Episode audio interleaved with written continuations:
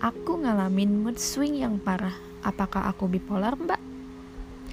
01 FM Jayanti, suara teman sedang tidak baik-baik saja. Ini ada pertanyaan dari teman kita yang jauh di sana. Sebelum menjawab itu, kita akan tahu juga apa itu mood swing dan apa kaitannya dengan bipolar. Tunggu jawabannya ya, karena kita akan tanyakan sama-sama pada psikolog kita, Kadian Nirmala. So, stay tune di 01 FM Jayanti, suara teman sedang tidak baik-baik saja.